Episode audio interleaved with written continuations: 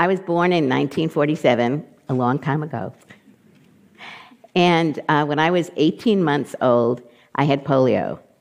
I was in an iron lung for three months and in and out of the hospital for three years.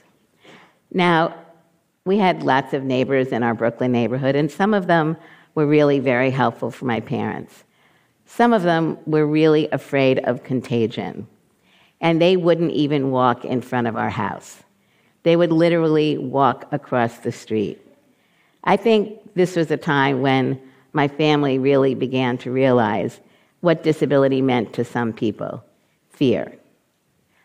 And it wasn't even a sure thing that I would live at home, although I didn't learn about this till I was 36 years old. I was having a discussion with my father one night, and he said, You know, when you were two years old, one of the doctors suggested to your mom and I that you live in an institution, that they could just go ahead with their lives and raise their kids and kind of be done with having to deal with all the disability related things. I didn't believe my father, not because he was a liar, but I had never heard this story. And my mother, in fact, validated that. She never wanted to tell me. But in reality, I don't know why I was really surprised by this story. Because when I was five years old, and my mother, like mothers and fathers all across the United States, was taking me to school to enroll, she pushed my wheelchair to the school in walking distance to our house pulled the wheelchair up the steps into the school, and we were greeted by the principal. Not really greeted, but the principal said, No, I couldn't come to that school because it wasn't accessible. But he told us not to worry, because the Board of Education, in fact, would send a teacher to my house. And they did, for a total of two and a half hours a week. But for good behavior, they threw in an occupational therapist who taught me that very essential skill of cross stitching. I don't cross stitch today. I didn't actually get to go to school in a real building until I was nine years old. And then I was in classes only with disabled children in a school that had mainly non disabled children. And in my classes, there were students up to the age of 21. And then, after 21, they went to something called sheltered workshops with menial work and earning either nothing or below minimum wage. So I understood discrimination. My parents understood discrimination. My parents came from Germany. They were German Jews who left in the 1930s, escaping the Holocaust my parents lost family and they lost parents. Both my parents lost their parents in the Holocaust. And so they realized that they could not be silent as things were going wrong for me in my life. Not me personally, but what was going on around me. They learned that because I used a wheelchair, none of the high schools in New York City and the entire city were wheelchair accessible. So, what was supposed to happen is I was supposed to go back onto home instruction along with many other students. So, my parents banded together with other parents.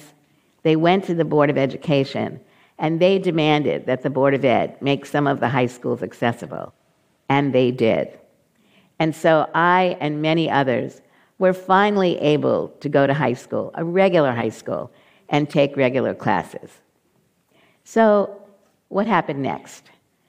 I was learning more and more about what discrimination was, and equally important, I was learning that I needed to become my own advocate. I was entering college, Long Island University, and I had always wanted to be a teacher. And so I minored in education, and I took all the appropriate courses. And then, when it was time for me to go for my license, I had to take a written exam an oral exam, and a medical exam. At that time, all three of those exams were given in completely inaccessible buildings. So I had friends who carried me up and down the steps for these exams, not in a motorized wheelchair, in a manual wheelchair. But I've passed my oral exam. I passed my written exam. My medical exam was something completely different. One of the first questions the doctor asked me was Could I please show her how I went to the bathroom? I was 22 years old, and you know, when you go for any kind of an interview, you think about all the kinds of questions people could ask you. that was not one of them.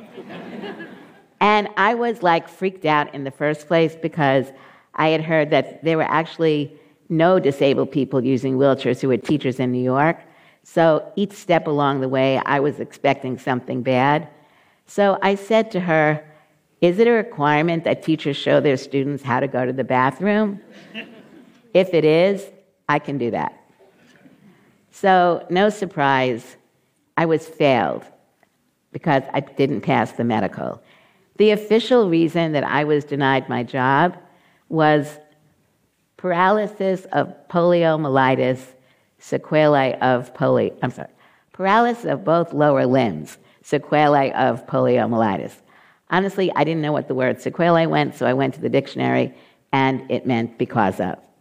So I'd been denied my license because I couldn't walk. So, what was I going to do? This is a really important time in my life because it would be the first time that I really would be challenging the system, me. And although I was working with a lot of other friends who had disabilities who were encouraging me to move forward with this, it was nonetheless quite frightening. But I was really very lucky. I had a friend who was a disabled student at Long Island University and was also a stringer at the New York Times. And he was able to get a reporter to write a really good piece about what had happened and why he thought what had happened was wrong. The next day, there was an editorial in the New York Times with the title of Heumann versus the Board of Education. And the New York Times came out in support of my getting my teaching license. and then the same day, I got a call from an attorney who was writing a book about civil rights. And he was calling me to interview me, and I was interviewing him. He didn't know that. And at the end of our discussion, I said, Would you be willing to represent me? I want to sue the Board of Education. And he said, Yes. Now, sometimes I say that the stars were aligned around this court case because we had an amazing judge. The first African American female federal judge Constance Baker Motley.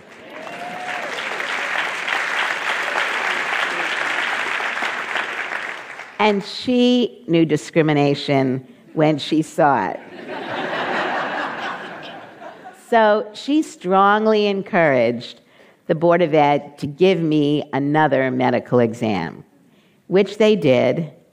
And then I got my license, and while it took a number of months for me to actually get a principal to offer me a job, I finally did get a job and I started teaching that fall in the same school that I had gone to, second grade. So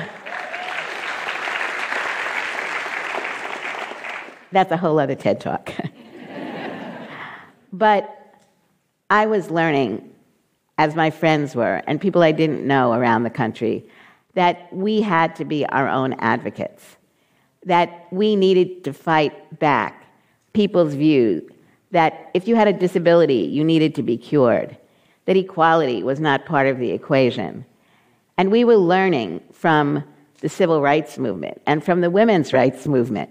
We were learning from them about their activism and their ability to come together not only to discuss problems, but to discuss solutions. And what was born is what we call today the disability rights movement. So, I'd like to tell you a couple of riddles. How many people do you think it takes to stop traffic on Madison Avenue during rush hour in New York City? Have a guess? How many? Uh, 50. One would be too little. 50 people and there were no accessible paddy wagons, So they had to just kind of deal with us. But let me tell you another riddle. How many people does it take to stop a bus in New York City when they refuse to let you on because you're in a wheelchair? One. That is the right answer.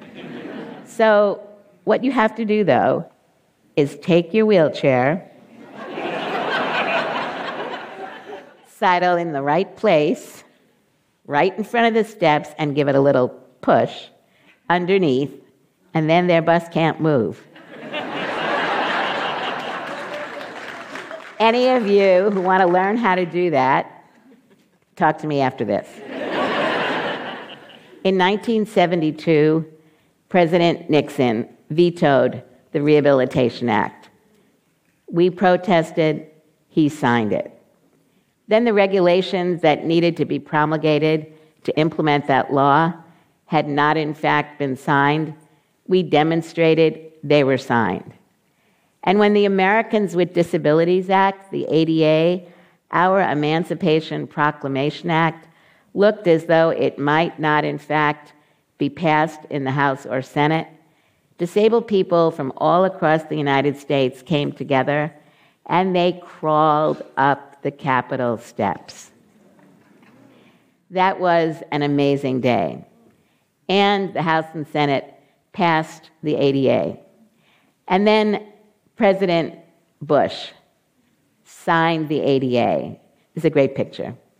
President Bush signed the ADA on the lawn of the White House. It was an amazing day, and there were about 2,000 people there.